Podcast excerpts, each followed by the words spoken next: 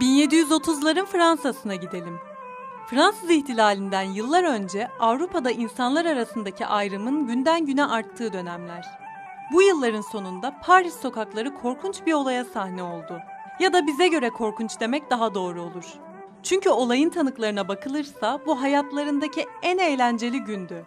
Onları bu kadar eğlendiren neymiş görelim.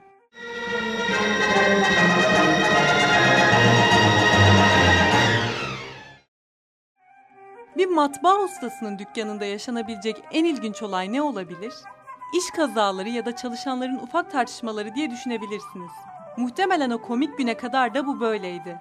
Ancak işçiler bir gün eşi benzeri görülmemiş bir isyan başlattı. Onlarca kediyi sokak ortasında katlettiler.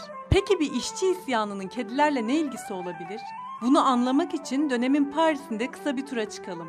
Avrupa'da Orta Çağ boyunca egemen olan sınıfsal farklılıklar 1700'lü yıllarda daha çok belirginleşmişti. Biraz klişe gelebilir ama işçiler zor şartlar altında çalışırken ustaları refah içinde yaşıyordu. Dönemin en yoğun iş yerleri ise matbaalardı ve Jacques Vincent'ın matbaası da bunlardan biriydi. Vincent ve eşi dükkanın üst katındaki ferah evlerinde onlarca kediyle birlikte yaşıyordu. Bu yalnızca Vincent ailesi için geçerli değildi. O dönemde Fransa'da kedi sahibi olmak bir soyluluk göstergesiydi. Ancak bu durum sınırları biraz fazla aşmıştı. Nasıl mı? Vincent'ın işçilerinden biri durumu şöyle özetlemiş. Kediler kadar değerimiz yok. Onların yemek artıklarını alıyoruz. Onların uymadığı yerlerde bizim uymamızı istiyorlar. Arşivde biraz gezinmek bu işçinin anlattıklarını doğrulamak için yeterli. Dönemin Fransa'sında işçilerin uyumaya bile hakkı yok gibiydi. Ustalar işçileri saatlerce çalıştırır, çoğu zaman yemek yiyip dinlenmelerine bile izin vermezdi. Ustaların kedileri özel odalarda uyurken işçiler soğuk ve pis yerlerde kalırdı. Vincent ailesinde de durum bundan farksız değildi. Özellikle La Grey evin en değerli kedisiydi. Onun beğenmediği yemekler işçilere gönderilirdi. Ancak bu durum sonsuza kadar sürmedi. Sonunda o komik gün geldi ve tüm bunlara dayanamayan işçiler isyan etti.